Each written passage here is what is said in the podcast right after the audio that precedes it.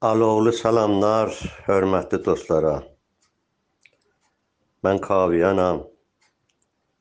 İstərdim möcüzün bir şeirini sizə oxuyam. Bu şeirin adı Börk macərasıdır.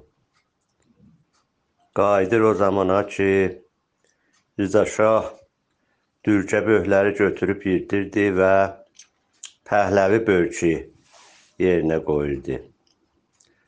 Möcüz bunu gözəl şeirə çəkib mənim nəzərimə. İstərdim o şeiri sizə oxuyum və paylaşaq. Təəmməl filləti qulna deyibdir kitabında Əbu Nəsr Furahi. Mənim gəlmir xoşum qardan, soyuqdan. İlahi tez yetir isfənd mahi.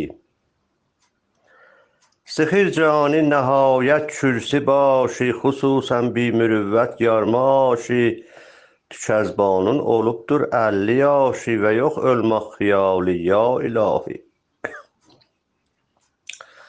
Qulaqları uzundur misli dovşan, deyir mən göykəyəm ya huri qilman.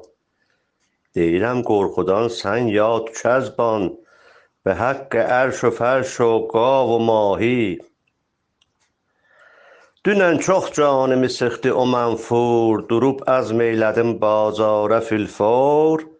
Binagah bir nəfər məmur mənfur, kənar etdi başımdan şəbkülahi. Edəndə dürcəyə məzlumi parə, vururdum başıma mən bəxtiqarə.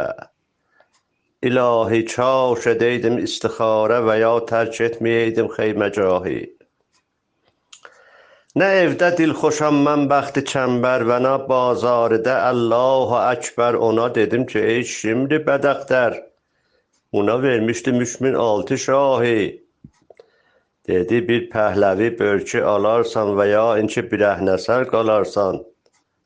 Dedim eylə demə kafir olarsan. Axı söylir onun çoxdur günahı.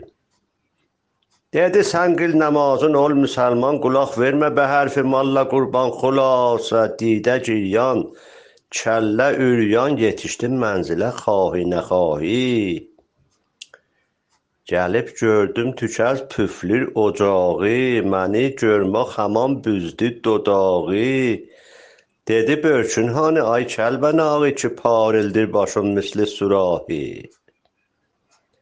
Ona mən söylədim başım qəzasın, dedi xirnəh görüm bolsun balasın. Xuda duzəxdə yandırsın atasın və getsin göylərə dudu siyahi. Dedim arvad yavaş söylə bixirdə. Gəzir əmniyyələr damda, duvarda, kəsərlər möcüzün başın bazarda. Qalarsan təht dua qıl padişahı.